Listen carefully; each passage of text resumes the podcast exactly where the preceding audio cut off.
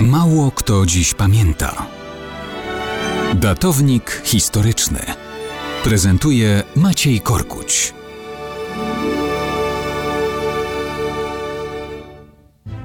Mało kto dziś pamięta o tym, że w weekend minęła rocznica 15 grudnia 1948 roku.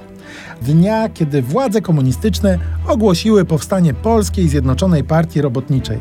To był szczytowy okres aplikowania Polsce stalinowskich wzorców ideologicznych. Jednak główne zasady funkcjonowania państwa były niezmienne aż do końca PRL. Częścią praktyki komunizmu był swoisty teatr instytucji państwowych.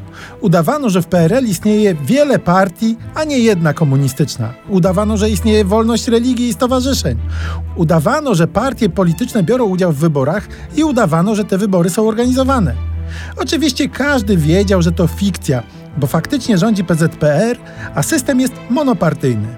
Stronnictwo Demokratyczne i Zjednoczone Stronnictwo Ludowe były w pełni od PZPR zależnymi satelickimi narzędziami realizacji polityki komunistów w środowiskach inteligencji, rzemiosła i chłopów. Ciekawe jest, że w ramach pozorowanych wyborów w ciągu istnienia PRL nigdy nie zmieniono schematu wcześniej zaplanowanych wyników. Zawsze musiało być tak. Wygrywa owe pozorne wybory PZPR. Drugie jest ZSL, a trzecie Stronnictwo Demokratyczne. Wiadomo, PZPR musiała pokazać, że wszystkie tak zwane wybory wygrywa, bo propaganda mówiła, że to obiekt miłości wszystkich obywateli. Komuniści nigdy nie zdecydowali się nawet dla zwiększenia pozorów, że owe pozorne wybory są rzeczywiście wyborami, chociaż raz zaplanować wyniki tak, żeby SD było drugie, a ZSL trzecie. Nie, co to, to nie. Od lat 50. aż do 80. zawsze podium było identyczne. Trzecie miejsce SD, drugie ZSL, pierwsze oczywiście PZPR.